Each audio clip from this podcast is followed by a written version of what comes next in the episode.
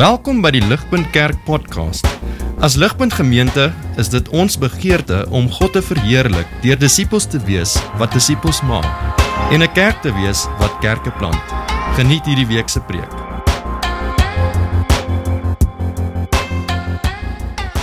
Wil ek julle vra, uh, wat is dit vir julle wat Christendom aantreklik maak? Uh ek kan dit seker 'n bietjie meer oor die soos oor die algemeen vra. Wat is dit um oor die algemeen wat jy dink daar buite reg oor die wêreld wat wat mense lok Christendom toe? Uh in die in in Suid-Afrika in die kerk in ons land um en wêreldwyd is al 'n duisend verskillende redes hoekom mense Christendom toe kom of in die kerk toe kom. Uh en hoekom hulle hulle self sal wil Christene noem. Ons baie redes. Ek dink hier wat ek nou wil noem is vier van die mees aantreklikste uh redes. Grootste faktore wat mense lok Christendom toe. Hier's net vier, vier grootes. Community. Gaan vriende. Um ek kom kerk toe, ek wil myself 'n Christen noem want ek word hier geken en ek ken ander. Ek is hier geliefd en ek lief ander. Ehm um, hulle is hulle is lief vir my wanneer ek deur hierdie hierdie deure stap. Gemeenskap. Ek voel ek voel mense ken my. Dis dalk die een rede hoekom mense baie hou van Christendom. Die ander rede ander een is waarheid, wysheid of rigting. Die tweede een, ek dink net 'n algemene gevoel van wanneer ek kerk toe kom, wanneer ek die woord lees, wanneer ek myself betrokke maak in Christelike sirkels, dan word ek gereeld herinner aan wat reg en verkeerd is. Daar's wysheid. Ehm um, daar's daar's die blessings van wanneer ek gereeld goeie regte besluite maak, dink nou terug aan Spreuke, dan ervaar ek blessings. Ek ervaar die goeie lewe. Ek val nie in die gate van baie sondes nie want die waarheid, die waarheid. Ek dink dit is baie aantreklik vir mense. Dink die derde ding wat baie aantreklik is vir mense is ek wil amper sê 'n emosionele ervaring. Um die worship was amazing. Dit dit maak my hart warm en dit laat my voel ek en God is connected. Okay, dis die tipe ding wat ek dink mense baie aantreklik vind. Ehm um, en ek dink nie daar's iets fout daar's regtig nie iets fout met emosie nie. Ehm um, maar dit moet tog diepte hê, nê? Nee? Emosie moet diepte hê. Ehm um, ek dink daar kan tog 'n ongesonde tipe van 'n afhanklikheid uh in ons in ons broei om emosie te moet hê. Ehm um, en so ag ek wil nie nou daarop dis fyn. Dis nog 'n ding wat ek dink mense baie aantreklik vind van Christelike sirkels. En dink die laaste ene is geestelike ervarings. Die die vierde een is geeste. Ek dink ek dink hierdie hierdie geestelike experiences, uh, tale, wonderwerke, getuienisse. Ehm um, daai daai diens wat wat jou adrenalien gee want joef die Here het gewerk vanaand. Daai tipe ek, ek dink daai tipe dis dis dis dis dis amazing. God werk. En dan daai is vier groot goed wat regtig mense trek na Christendom toe en na kerk toe. Hierdie is voorbeelde, ek dink daar's baie, maar ek dink eers val ons tog in een van hierdie vier kategorieë.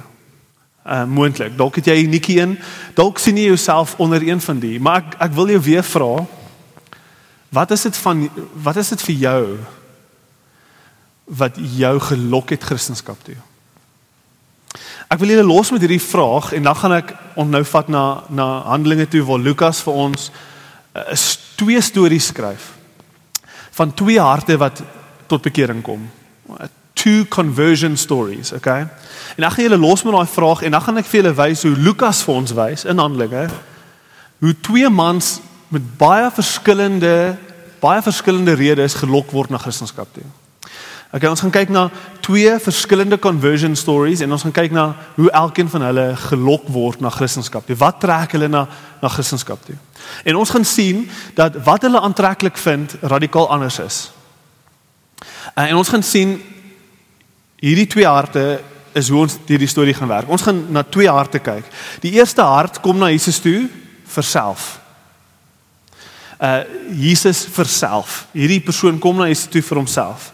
En die tweede hart waarna ons gaan kyk is uh hierdie persoon kom na Jesus toe vir Jesus.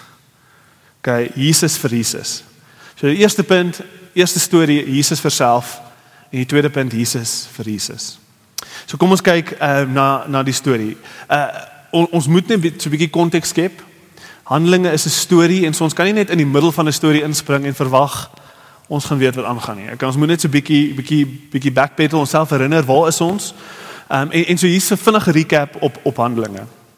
Okay, Handelinge is 'n brug tussen Jesus se bediening en die kerk se bediening. In Handelinge sien ons uh, hoe Jesus die die werk wat hy begin het, hoe hy dit oorhandig aan die kerk sodat die kerk die werk wat Jesus begin het kan voortdra deur die krag van die Gees. Dis Handelinge. En daai werk spesifiek is die verkondiging van die goeie nuus. Okay, die verkondiging van die goeie nuus. Ehm um, julle sal vinnig hierso sien, ek het dit maar net opgegooi. Ehm um, Acts 1 verse 8, Handelinge 1 vers 8, Jesus se eerste woorde aan sy disippels in die boek van Handelinge sê hy, "You'll receive power when the Holy Spirit comes on you, and you will be my witnesses in Jerusalem and in all Judea and Samaria and to the ends of the earth." Dis wat julle gaan doen. Julle gaan my getuienis wees. Julle gaan die goeie nuus versprei. Julle gaan die Gees gaan julle krag gee om die werk voort te vat wat ek begin het gaan wees getuienisse. En en Jesus het het 'n spesifieke boodskap gehad en sy lewe het daai boodskap bevestig. Uh die boodskap wat Jesus gebring het was in Jesus se eie woorde was repent and believe, okay? Bekeer en glo. Dis Jesus se boodskap.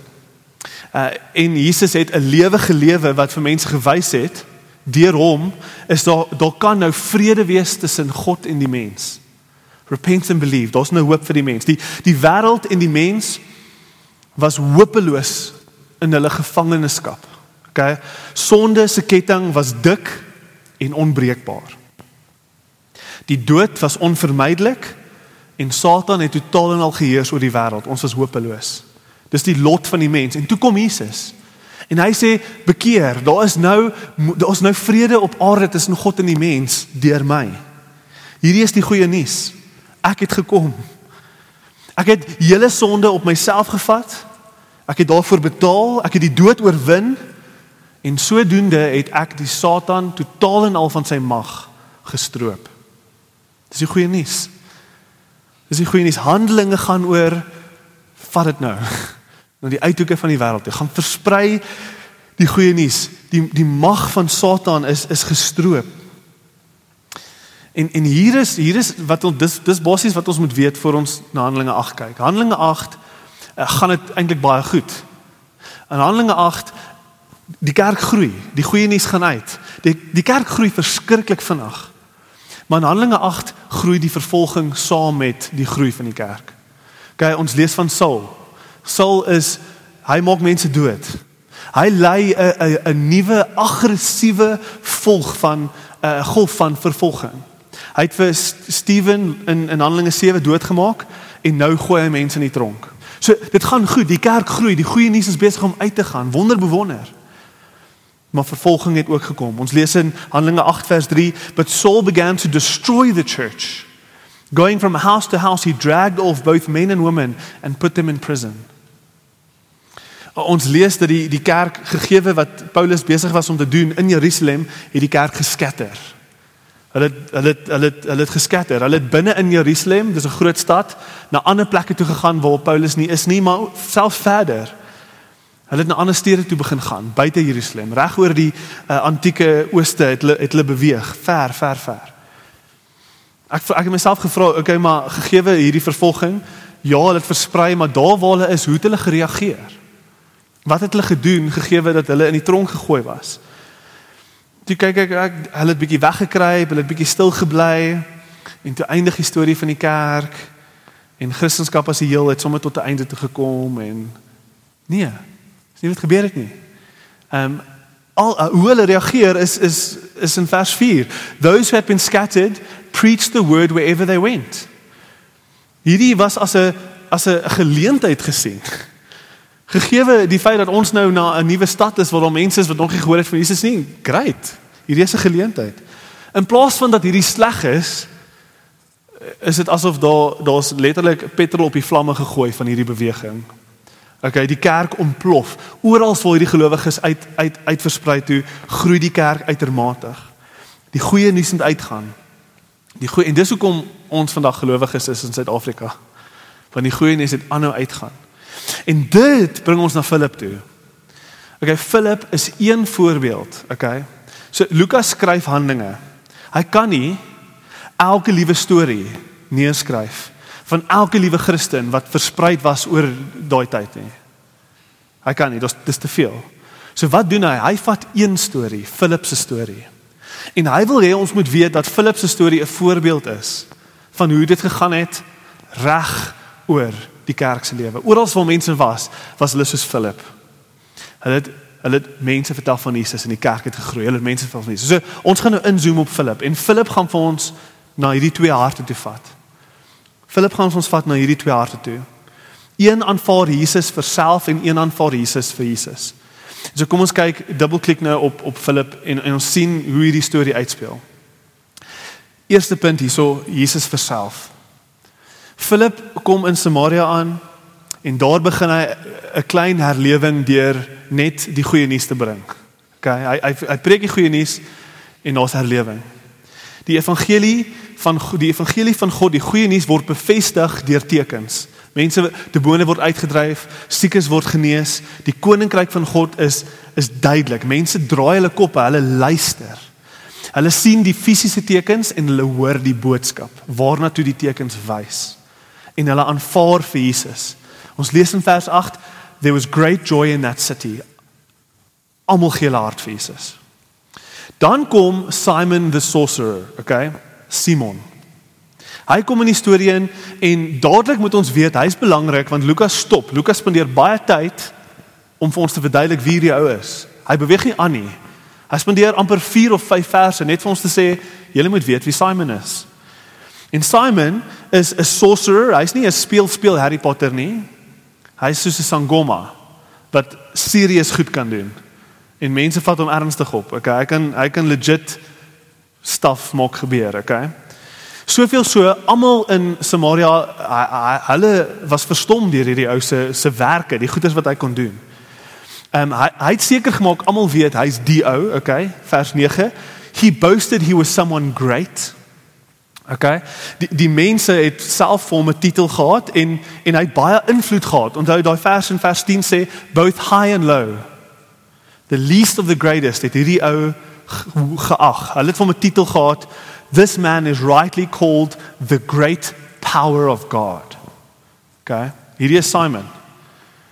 Maar dan is daar in vers 12 die woord but. But Philip. En dadelik kry ons hierdie idee okay, ehm um, alles het skielik verander vir Simon. Toe Philip op die dorp opdaag. Skielik kom mense na Philip toe Skielik luister hulle na wat hy sê. Hulle kyk na hom. Hy verkondig die goeie nuus. Almal luister na hom. Almal glo. Almal word gedoop.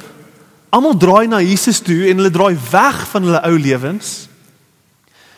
Hulle ou lewens wat heel moontlik staat gemaak het op Simon se magic. En niemand kan die krag van die evangelie ontken nie. Die krag van die evangelie wat sigbaar hier is, is duidelik kragtiger as wat ook al Simon mee besig was. Simon word so 'n bietjie agtergelaat. En die wonder bewonder vers 13, Simon homself gee sy hart vir die Here. Simon he himself believed and was baptized. Vers 13, and he followed Philip everywhere astonished by the great signs and miracles he saw. Dis die NIV. Spoiler alert. Okay.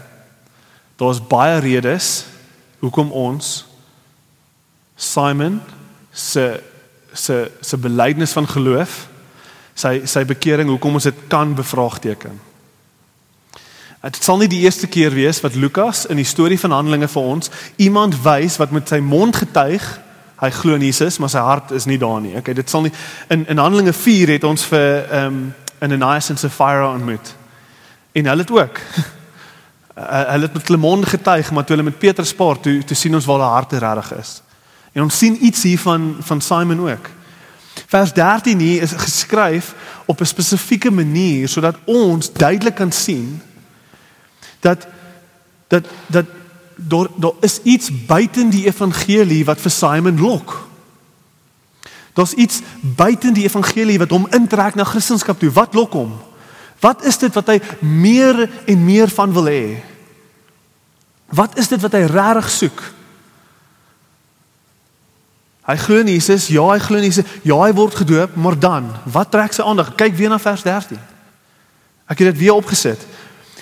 He believed he was baptized and he followed Philip everywhere, astonished by the greatness of the gospel and by everyone who believed. Is dit wat daai vers sê? He was astonished by the great signs and the miracles he saw. Daar's iets wat hom lok.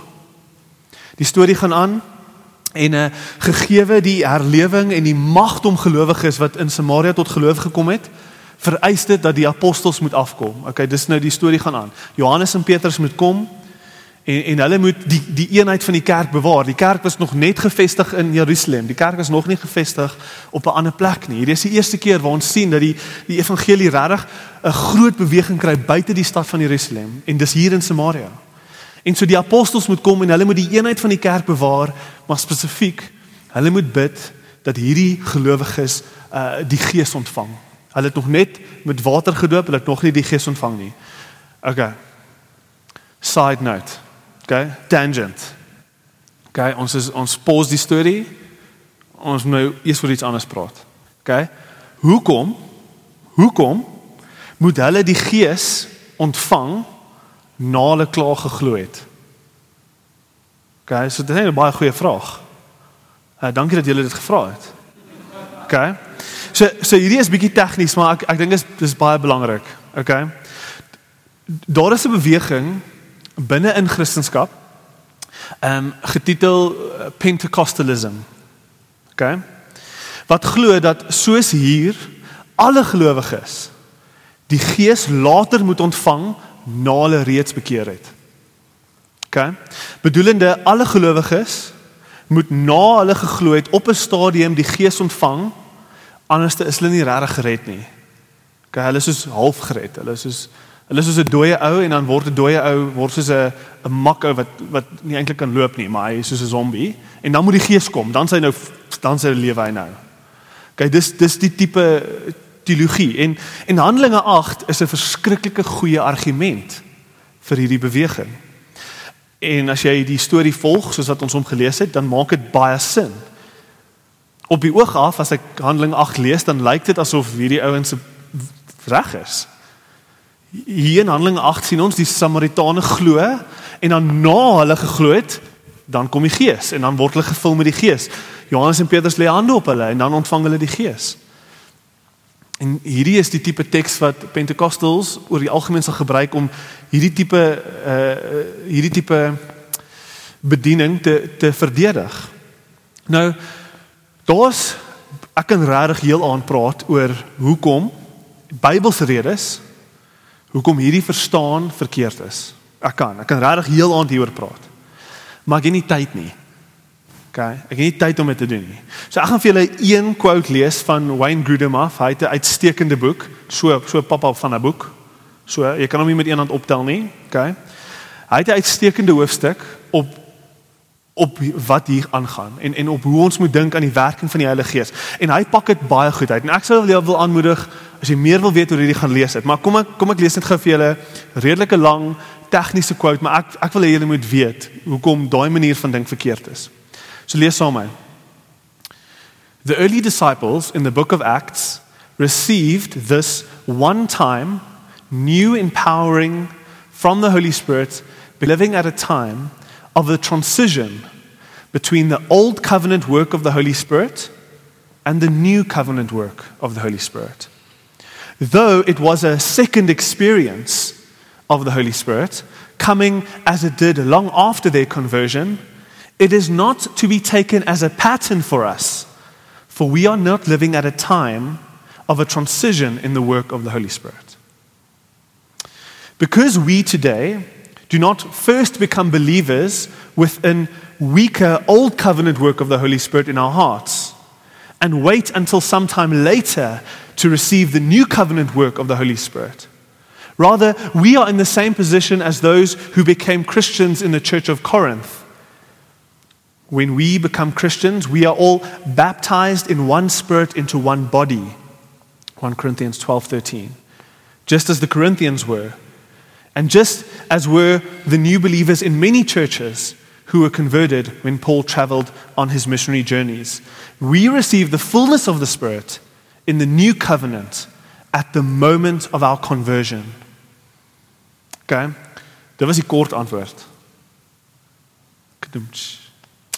Dit was die kort antwoord. Daar's daar's nog baie ander goedes wat ek kan noem op hierdie, maar die punt is uh daar is 'n beweging wat baie mense laat voel hulle is halwe gelowiges. OK? Daar's daar's 'n leer en die mense heel bo Hulle die volle gees, hulle het 'n geestelike ervaring gehad. Iemand het op hulle hande gelê, iets het gebeur, daar was tale, daar was wonderwerke, iets mal het gebeur. Hulle die gees, hulle is topteer gelowiges en dan onder hulle is daar die wat sukkel. Hulle het nog nie die gees ontvang nie. En dan onder hulle is ongelowiges. En en hulle laat baie mense voel hulle is 'n halwe gelowiges want hulle nog nie die gees ontvang nie. En dis hoekom ek dit net belangrik wil sê, as jy die res van die Bybel lees, is dit nie hoe dit werk nie. Die oomblik wat jy jou volle vertroue in Jesus sit en glo dat hy jou vergewe het van jou sondes, op daai oomblik ontvang jy die volheid van die Gees. En die Here kom kom kom woon in jou. Uh en, en die hele punt van Handelinge en hierdie storie is dat on, hierdie Handelinge, die hele boek van Handelinge gaan oor hierdie transition. Die kerk word gebore. Ons beweeg weg van 'n Ou Testament na 'n Nuwe Testament toe en die Gees gaan anders werk in die Nuwe Testament era soos wat ons dit nou beleef waar ons sit. En en dis al wat ek gaan sê. Side note, klaar. Terug by die storie. OK. Side note is klaar. Simon sien in die storie hoe Petrus en Johannes hande op mense lê en hulle ontvang die Gees. Crazy, crazy, dis amazing. OK. En hy check die ding en hy dink oh, Dis my kans. Dis hoe ek weer myself 'n naam gaan kan gee. Dis hoe ek weer invloed gaan kry in Samaria. Dis hoe ek 'n nuwe level van sorcery gaan bereik. Hierdie is die krag wat ek nodig het sodat ek soos Philip vir enige iemand die gees kan gee net soos wat ek wil. Hierdie gees gaan my die krag gee wat ek soek. Philip vat sy kans en en hy hy sê, hy sê reguit vir Simon. Uh, Simon sê vir Petrus, "Give me also this ability so that on everyone I I, I want I'll pay for it. Gee vir my. Ek soek die Gees. Ek soek hierdie krag. Sy verstaan van die Gees is is so selfgesentreerd. Hy sien nie eers dat hierdie 'n werk van God is nie. Niemand anders kon hierdie ding gedoen het nie. Niemand anders kon hierdie ding gedoen het nie. Net die Here kon. En so uh, uh, Petrus sê nogals baie hard vir Simon en en praat reguit met sy hart in hierdie verse. Kliphard. Petrus hou nie terug nie. May your money perish with you, Simon. Because you thought you could buy the gift of God with money?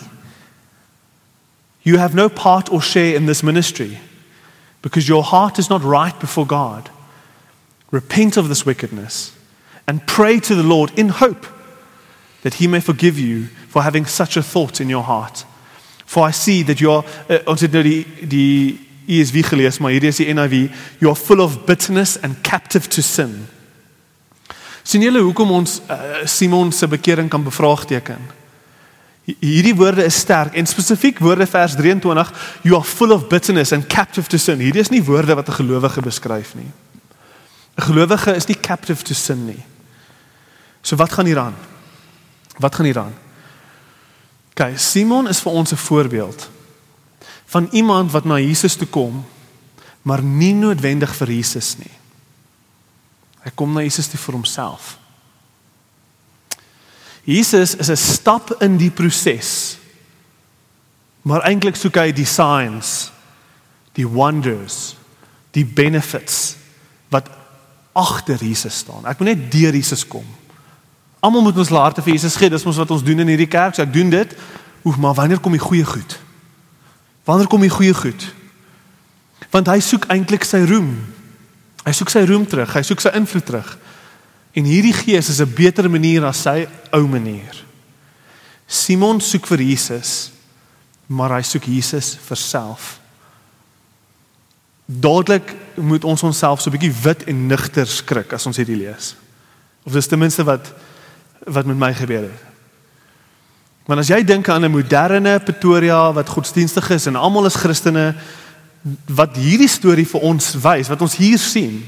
En eintlik as ek daaraan dink op baie ander plekke in die Bybel, wat ons hier sien, is 'n tipe geloof wat oppervlakkig is, maar dit is nog steeds geloof. Ons sien hierso dis daar's daar, 'n tipe van 'n ek glo, maar dit is nie jy's nie gered nie. Ek glo, maar jy's nie gered nie. Al spring hierdie geloof op uit jou uit in die mees emotional crazy flashy malste diens op waar mense omval en en ons genesing en demone word uitgedryf soos wat Simon beleef het al is dit die kragtigste preek van jou lewe en dit skep hierdie tipe geloof in jou op al het wonderwerke hierdie geloof geïnspireer is dit nog steeds nie 'n geloof wat red nie.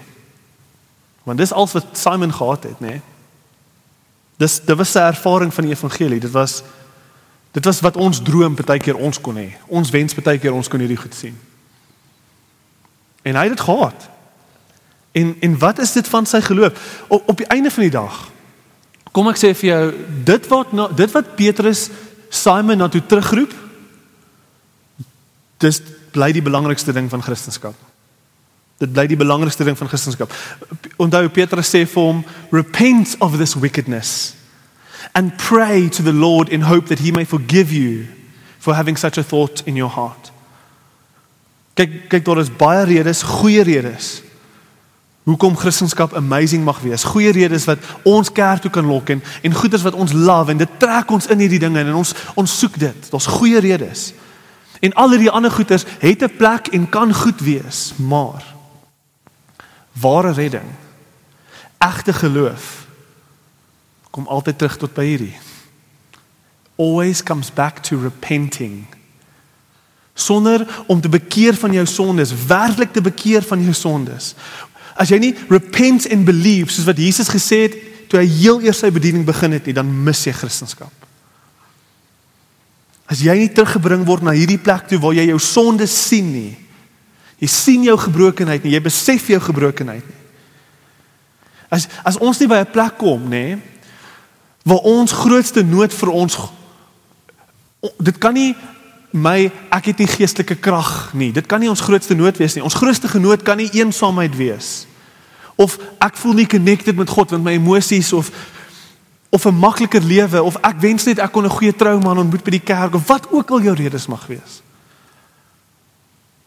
As jou grootste nood nie 'n besefing is dat jy vergifnis nodig het van 'n heilige God af en jou sonde skei jou van hom af nie. As jy nie by daai plek uitgekom het nie,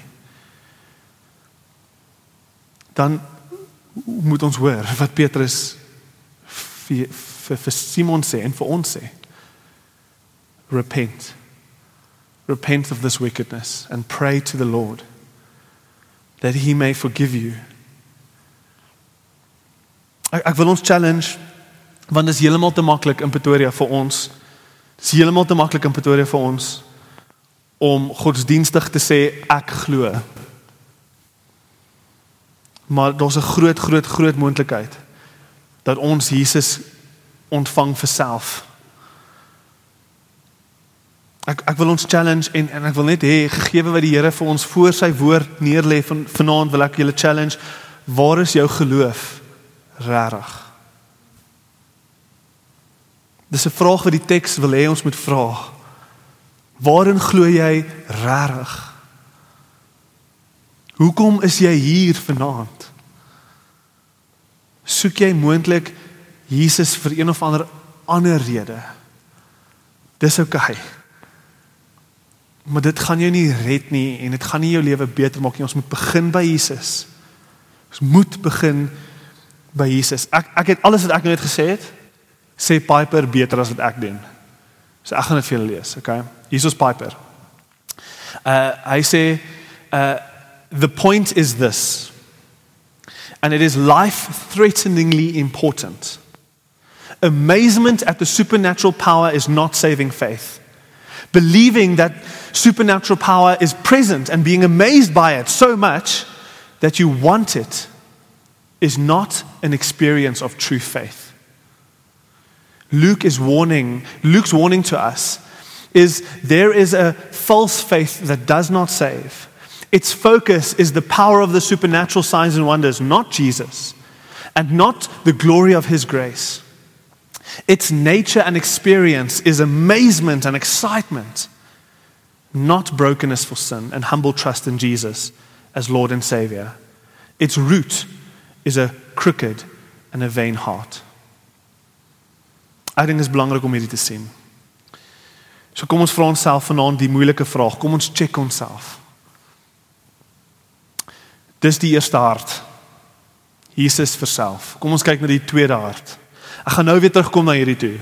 Maar ek moet vinnig praat oor ehm um, Jesus vir Jesus. So ek kan nie ek kan nie soveel tyd spandeer soos ek wil aan aan hierdie storie nie. Ek kan nie. Ek kan julle net soos vinnig in die swembad gooi en uittrek. Ek ek kan dis al wat ek kan doen. Maar hierdie hele storie die gees daar's basiese herlewing besig in Samaria. En ek sou gedink het Philip bly daar. Maar Philip luister vir die gees en gaan woestyn toe. Ek sou nie gedink het daar gebeur enigiets in die woestyn nie. Okay, persoonlik. Maar die gees weet altyd beter. En Philip luister, hy gaan weg van waar al alles crazy gebeur en mooi gebeur en hy gaan na die woestyn toe stil. Nothing is happening. En daar kom hy af op 'n verskriklike invloedryke Ethiopiër. Wat basies in beheer is van 'n verskriklike ryk en magtige koningin. Hy's hy's beheer van al haar geld. Hierdie ou het baie baie mag, okay? En en Philip gee sê gaan loop by hierdie Ethiopiër en hy gaan, hy gaan, hy loop. Ek dink is interessant, nommer 1. Hierdie ou se naam word nie eens genoem nie. Daar was 5 verse spandeer op Simon se naam en wie hy was. Al wat ons hier sien is the Ethiopian. Dis al. Dis belangrik, dink ek. Die hoogtepunt hier van hierdie hele storie en ek ek kan nie in diepte gaan nie, maar die hoogtepunt hierdie hele storie, nê, nee, draai om God se woord en Jesus. God se woord en Jesus. Die Ethiopiër lees hierdie profesie uit Jesaja en en hy lees hierdie en en en en Philip kom en hy sê verstaan jy wat jy lees en en in hierdie mooiste woorde in vers 34 sê die Ethiopiër tell me please who this is. Wie is hierdie persoon? Ek moet weet wie hierdie persoon is. Van wie praat Jesaja hierso? En natuurlik verduidelik Philip vir hom wie hierdie persoon is en ons sien dadelik opgewondenheid. Die Ethiopiër wil so graag gedoop word. Hy stop kyk hierdie ou was nie alleen nie. Okay, hierdie was 'n ryk ou. Hy het 'n massiewe karavaan van mense gehad. Hy stop die hele ding. Daar's water, kan ek gedoop word? Hy's so opgewonde oor wat hy nou net ontdek het. Doop is 'n simboliese tekening, 'n teken van van wat waar is van ons in Jesus. Okay? Doop is 'n simboliese teken van hoe ons dood gaan saam met Jesus, ons ou lewe en ons staan op 'n nuwe lewe saam met Jesus. En dis hy wil hy wil gedoop word. Hy wil een wees met Jesus. Hy wil gedoop word. Die hele ding gaan oor Jesus. Alles in hierdie storie gaan oor Jesus. En dan laastens lees ons when he came out of the water, né? Soos imagine ek hou iemand vas en ek haal hom uit die water uit, ek doop hom. En sodra Philip uitkom, is Philip weg. Crazy. Hy verdwyn net. Hy word geteleport, okay? En en die en die Ethiopiër, he goes on his way rejoicing. Rejoicing, vreugde, daar is excitement. Daar is amazing goed gebeur soos Philip wat verdwyn, maar maar sonder twyfel, as jy hierdie storie deurlees, alles in hierdie storie gaan oor Jesus. Gaan oor God se woord, dit gaan oor Jesus en dit gaan oor 'n woestyn waar daar nie veel aangaan nie. Net een ou sonder 'n naam. Sonder 'n naam. Ja, hy's ontsettend invloedmag en ryk. Hy's glad nie so Simon nie, maar ons hoor nie eens sy naam nie. Daar's 'n sterk vergelyking tussen hierdie twee karakters. Hierdie hele episode Philip se tweede ontmoeting beklemtoon die woord, die redding en die redder, nie die persone nie. Die hele storie die hele storie probeer vir ons wys hoe lyk iemand wat agter Jesus aan is vir Jesus. Daar's geen menslike trots of 'n agenda of 'n naam wat enige aandag kan wegvat van God se woord, die profetiese woord wat Jesus uh, geprofeteer het nie en en en die redding wat plaas ons niks van ons aandag wil wegvat nie. Hierdie is Jesus vir Jesus. En en ek, ek wil net die toutjies by myself trek. Ek weet ek het nog baie tyd oor nie. Okay. So ek gaan net ek wil net die toutjies by myself trek, maar uh, vandag se Christendom. Vandag se Christendom in Pretoria moet flashy wees. Eintlik in baie plekke in die wêreld. Christendom moet flashy wees. Anders te kry dit nie aandag nie. Die tipe Christendom van vandag is nie die namelose woestyn woordgesentreerde stille redding van Ethiopië nie. Dis nie die tipe Christendom wat ons kry nie. Vandag se Christendom moet exciting wees. Dit moet loud wees. Dit moet flashy wees. Die hoofleraar se naam moet op alles staan.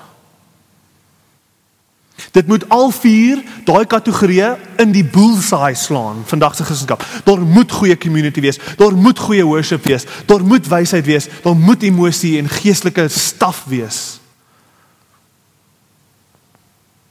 Waar los dit Jesus?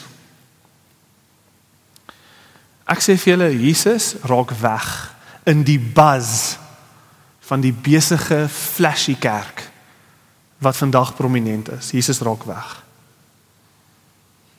En meer en meer mense word converted, hulle word gered. Maar hulle word nie gered tot Jesus nie. Hulle word gered tot iets anders. Wat het geword van die basics? Wat het geword van 'n kerk wat ernstig is oor die woord en oor Jesus en ons nie eintlik iets flashy nie. Ons nie eintlik iets mooi of exciting wat elke elke week ons leë harte moet kom oortuig dat ons oukei okay is, maar ons is eintlik nie oukei okay nie. Wat het gebeur van daai kerk?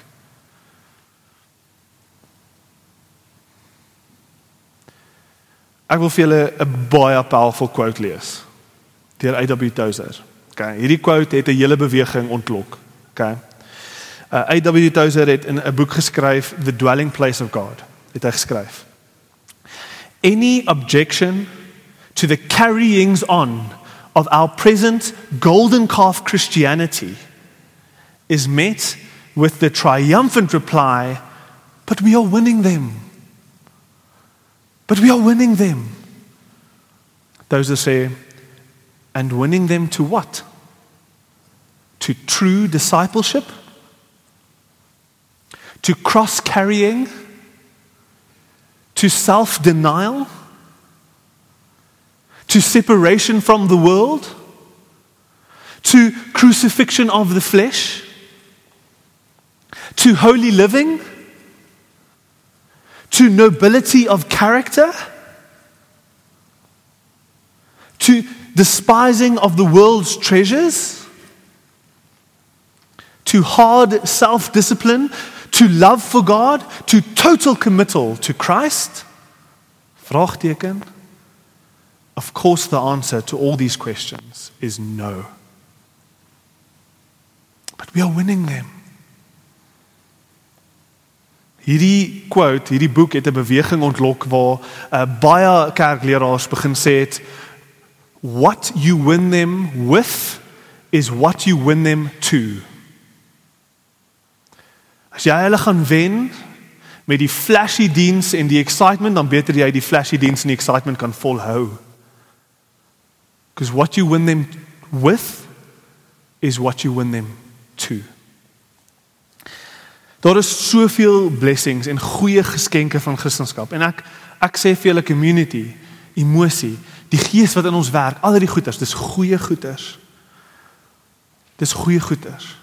Maar dis moontlik vir ons om ons oë so te vestig op die geskenke dat ons die gewer van die geskenke mis. Jesus kan maklik vir ons soos 'n stap word. Ek ek moet net hierdie stap neem en dan gaan ek kry wat ek eintlik soek.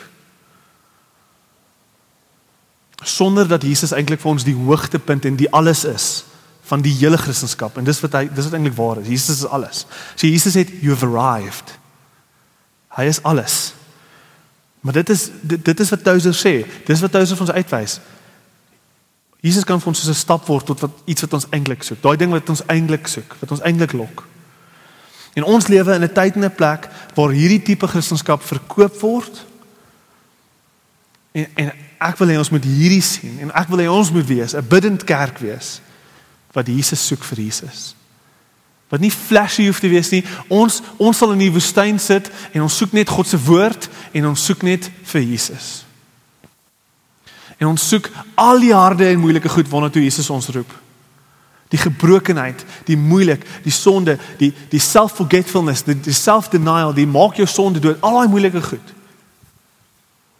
Ek wil hê ons moet sien dat God se woord ons roep na daai goeters toe. En dat dit meer as genoeg is. Meer as genoeg is vir die suksesvolste en rykste Christelike lewe. Kom ons wees 'n kerk wat Jesus soek vir Jesus.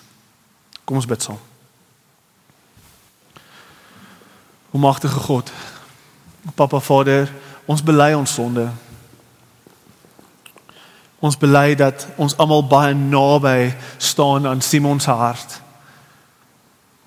Vader, ons wil nie na ons sonde kyk nie. Dit is moeilik. Dit is nie lekker nie. Vader ons wil nie ons wil nie die ons eie gebrokenheid sien nie. Ons wil dit eintlik vermy en so Vader ons wil ons naam eintlik net groot maak. Ons wil aanhou glo ons is amazing en ons is alles en ons is oulik, maar Vader ons bely dat ons die die realiteit is dis nie wie ons is nie. Ons is gebroken. Ons is swak en ons is sondaars en ons kort U om ons te kom red.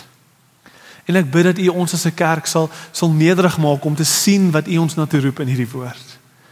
Om te sien dat U ons roep na na na na die woestyn toe, na die die stil, unimpressive, uh, konstante ernstigheid van U woord en van Jesus. Roep ons terug na daai plek toe. En Vader, ek wil weer eens bid, maak nie saak waar ons is vanaand nie. Vader as as daar iemand hier is vanaand wat wat besef het sy hart was nie op die regte plek nie. Vader, ek bid dat hy daai gebed sal bid wat Simon gebid het. Dat hy na U toe sal kom, sal vra vir vergifnis, sal wegdraai van sy sonde en na U toe sal kom vir alles wat U is.